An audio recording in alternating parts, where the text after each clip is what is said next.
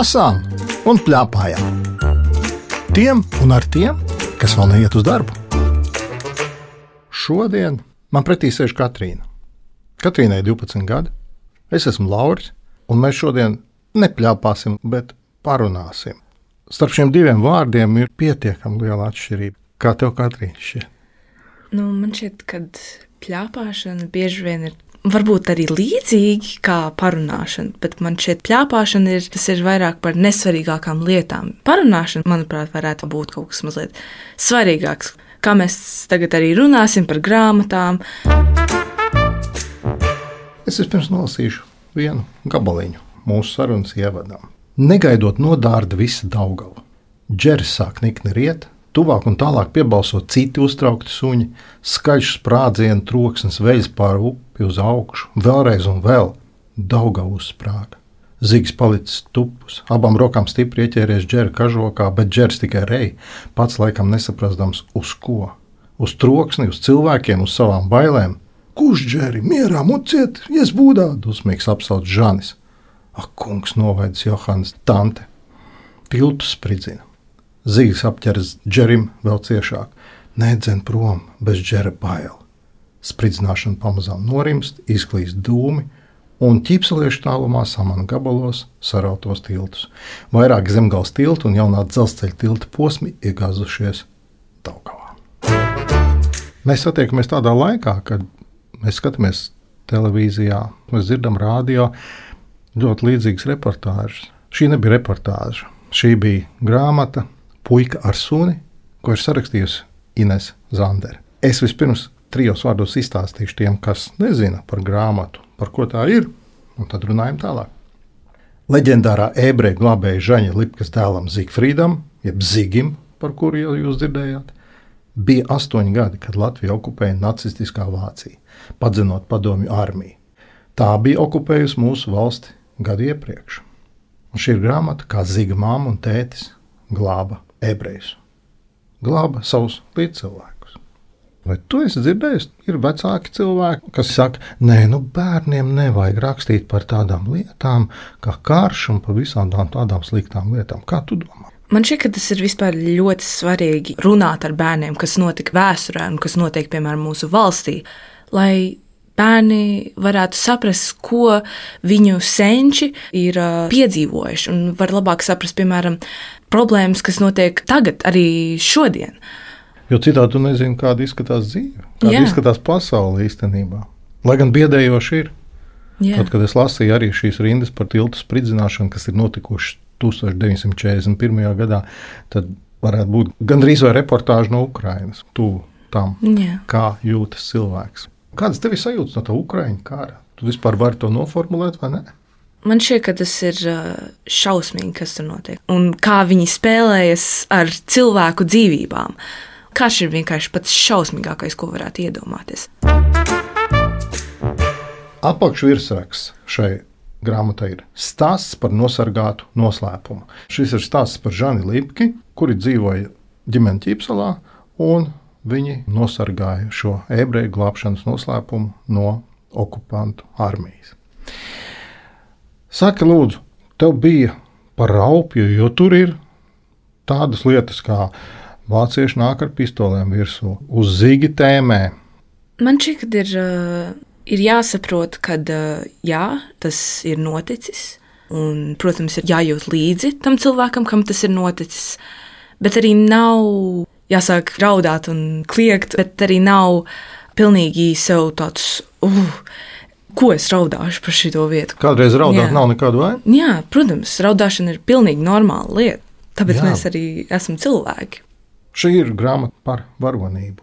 Jā, es vispār par to diezgan daudz domāju. Šīs divas būtnīcas tiešām ir par ļoti, ļoti lielu varonību, kā Žanis Lipke ir izglābis cilvēkus, riskējot savu dzīvību. Un, manuprāt, viņš ir ļoti, ļoti drosmīgs cilvēks. Cik ātri tu izlasīji grāmatas? Trīs dienās, četrās. Tev gāja ātri pietiekami. Jā, diezgan. Man ir jāizstāsta, ka ir divas grāmatas. Puika ar suni pirmā burtnīca un puika ar suni otrā burtnīca. Pirmās burtnīcas nosaukums ir bailes, otrās bunkurs. Kas ir burtnīcas? Mūsdienās būrnīca ir tur, kur raksta. Man šķiet, ka šīs būrnīcas ir domātas kā senākos laikos, tādas būrnīcas, tā kā piemēram dienas grāmata, bet vienkārši iesaukt par kā.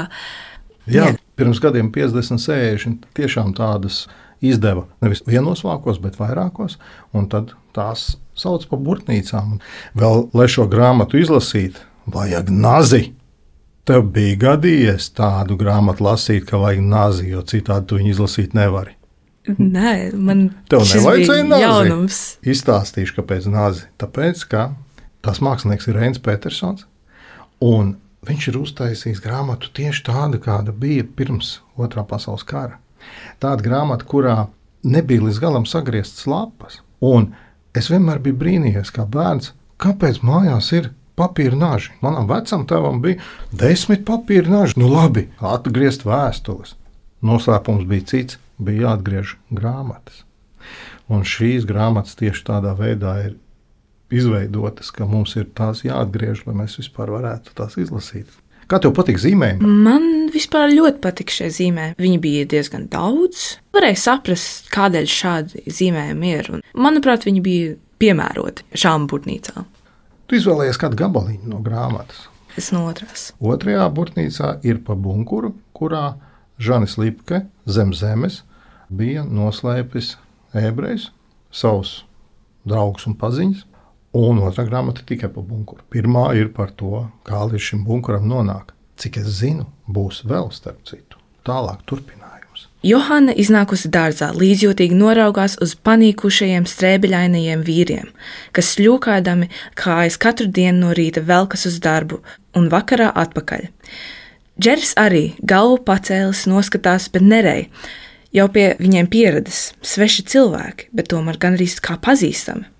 Cits salīdz, cits taisnāks, bet visi acis nodūruši skatās uz priekšējā gājēja papēžiem, it kā tur cerādami kaut ko ieraudzīt, varbūt kaut ko ēdam atrast. Reti kurš paceļ galvu un palūkojas apkārt, kad ķīpselā sācies pavasars, kad ceļņkrūmiem pumpuri ir tik lieli kā dūrs, tas viņiem ir viena alga. Varbūt kāds pamana dārzā vistas, un no domas par olām vēders sažņaudas un siekals saskrien mutē. Gūsteknis nospļaujas un novērš un velkas tālāk. Kolonnai blakus iet arī pa kādam sargam, kas bruņots ar šauteni. Uz tiem ganģeris varbūt riet, atceroties šaudīšanos pagalmā un savu ievainoto ķēpu, bet zigas uzliek viņam plaukts uz galvas, glauda, un suns tikai klusi norūcis. Tātad tiek vēsti ebreji pa pilsētu un par ķīpsalu. Tu esi bijis ķīpsalā? Es esmu vienreiz bijusi. Kāda tev vai sajūta no ķīpsalas? Ķīpsala. Īsti nezinu. Šīs notiek tajā maliņā pie mm upes. Un tur dažreiz ir varbūt vērts aiziet. Tur, starp citu, šodien arī ir Žaņa Lipkas muzejs.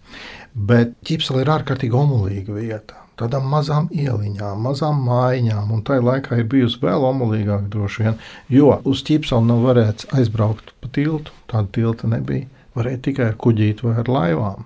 Un tad iedomājies, tā ir savrupa pasaule, kurā viņi ir dzīvojuši. Un Zigis, Žaņa Lipkas dēls, šajā grāmatā ir spiests domāt par daudz ko. Viņš spiests domāt, piemēram, kāpēc viņa tēvs pēkšņi savu draugu Haimu sit. Un šķiet, ka nu, kā, kā tā savu draugu sit. Un tas ir tikai tāpēc, lai izvairītos, lai vācieši domātu, ka viņš viņus nevar ciest un viņš varētu viņus izglābt. Un tā ir šausmīgi sarežģīta dzīve, kurā visu laiku ir jāmelo, lai izdzīvotu.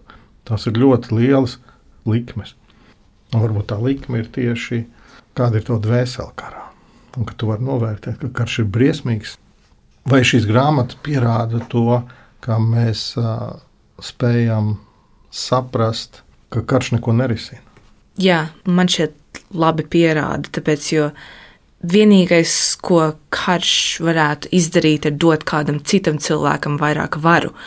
Man šķiet, ka ir daudz, daudz vairāk mīnusu no kara, nevis kā plusu, un tas neko nemainīs, izņemot to, ka cilvēku dzīves būs sagrautas. Uzzināsim, ko tavs tētis domā par šo grāmatu. ir ļoti interesanta tā tehnika starp eh, skatu punktiem, no kuras skatu punkta kurā brīdī Viņi pāriet, un dažkārt nemanāmi. Un tad tu saproti, ka pēc vajadzīgs arī tas ārējais skatu punkts, lai noslēpuma nosargāšana būtu arī redzama. Bet, uh, jā, tas ir uh, mākslas darbs, kurš liekas, ka ir uh, vēl jāstāsta tālāk. Jūs mājā spiestā kārtā runājot par šo grāmatu, vai bija vēlēšanās runāt par to? Ņemot vērā, ka ir arī filma Tēvs Nakts, kur arī šis pats stāsts uh, tika risināts, kā šo tēmu mākslā runāt. Bet man liekas, tā pati svarīgākā lieta ir, ka no bērniem saprast, ka arī viņi tajā vēsturē piedalījušies. Arī viņu vecvestētiņi bija piedalījušies kā mazi puikas tajā vēsturē. Un arī tā ir pieredze un, un arī zināt, ka tavam kā bērna skatpunktam būs tā vērtība un arī veids, arī no kura šajā darbā nu, skatīties uz to. Mēģināt saprast šo cilvēku, kurš bija pietiekoši drosmīgs, lai glābtu tos cilvēkus.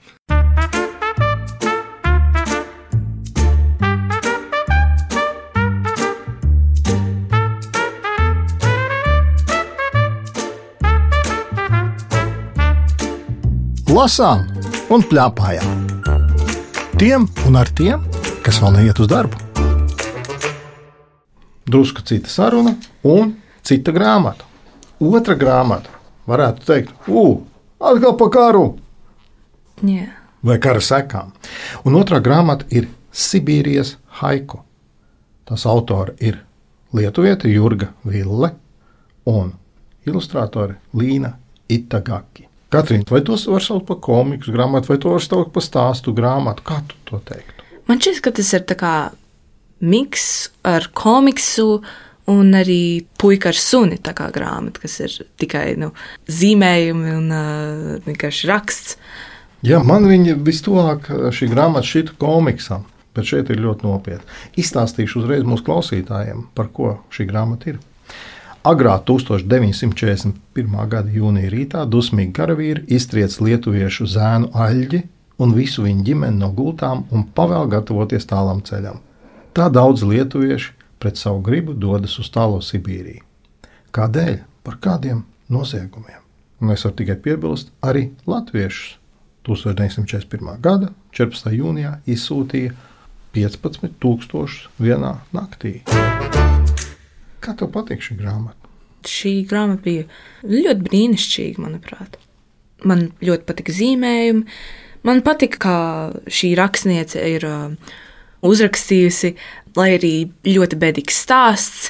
Viņa arī pielikusi diezgan daudz tādas priecīgas lietas šajā stāstā. Un, protams, arī ļoti bēdīgas, bet man ļoti patika, ka tur arī bija mazliet tāds pozitīvums. Nu jā, un tas ir tas, kāpēc mēs teicām, ejam prom no tā bēdīgā kara. Nerunāsim par to bēdīgi, tāpēc ka karam taču gal galā ir uzvara kaut kāda. Un šim karam arī šī grāmata ir par Otro pasaules karu. Bija uzvara, un vērts laikam runāt no tās puses. Autore Jurga Ville raksta pašā sākumā, kad es biju maza, tētis reizēm klusi ieminējās par Sibīriju. Aprāja mūs ar brāli, kad muļķojamies pie pusdienu galda, teica, ka bērnībā esot priecājies, ja izdevies atrast kaut vai sasalušu kartupeli. Un viņš to kartupeli, protams, apēdis, jo nekā cita viņam nesot bijis.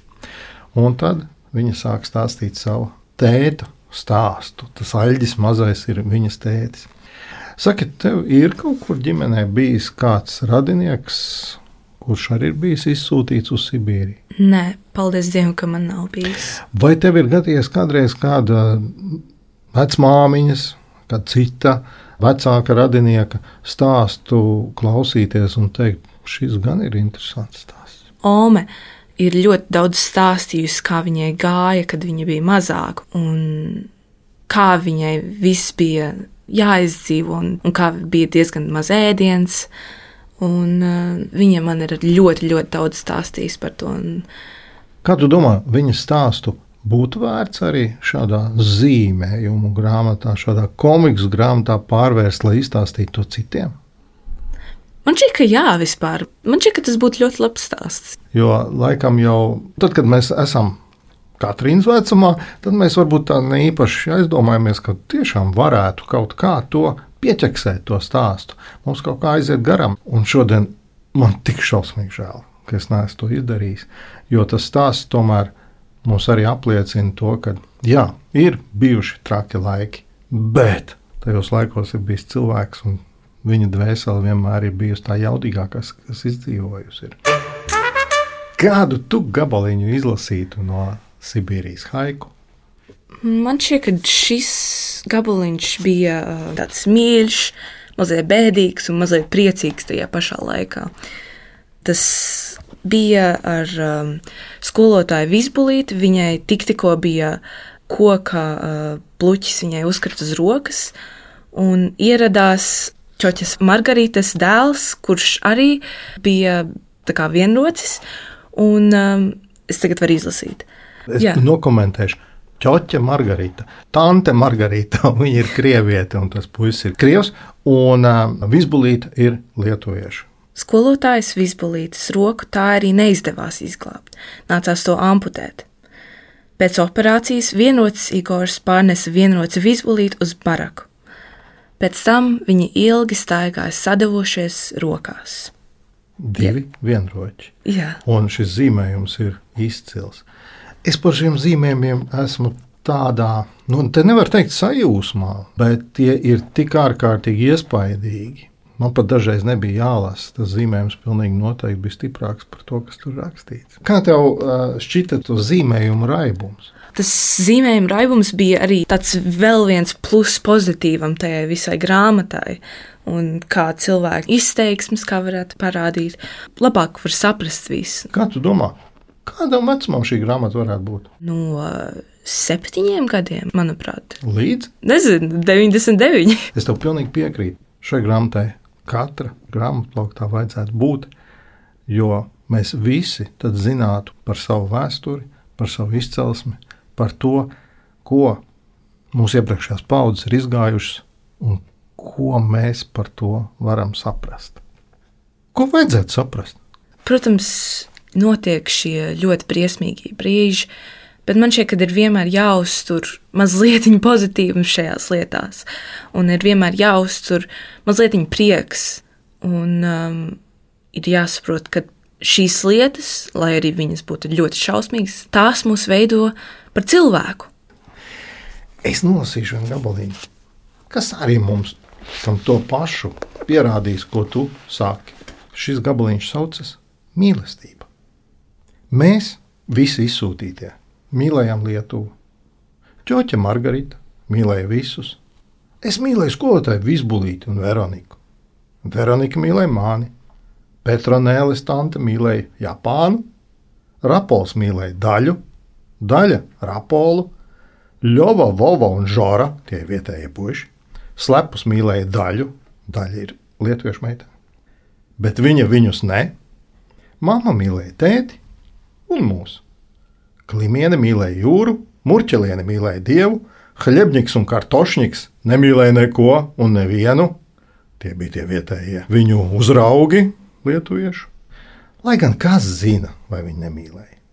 Skolotāja Vizbulīte neprātīgi mīlēja dzīvi. Pienāca pavasaris un visu sirdis iedziedājās. Interesanti, ko tavs tētis saka par šo grāmatu. Tā grāmata ļoti man trāpīja, bet tā interesantā lieta bija tieši tajā, ka tev tā kā neticība sākumā radās, nu vai tad tik jautri tas bija.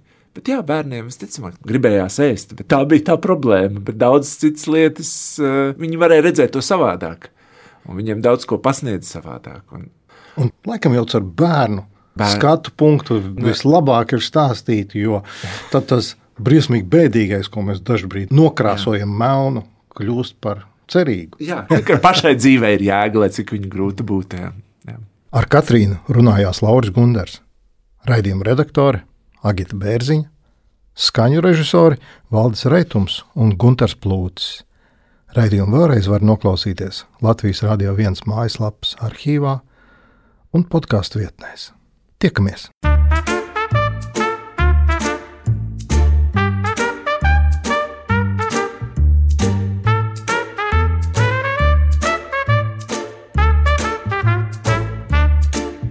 Lasām un plēpājām.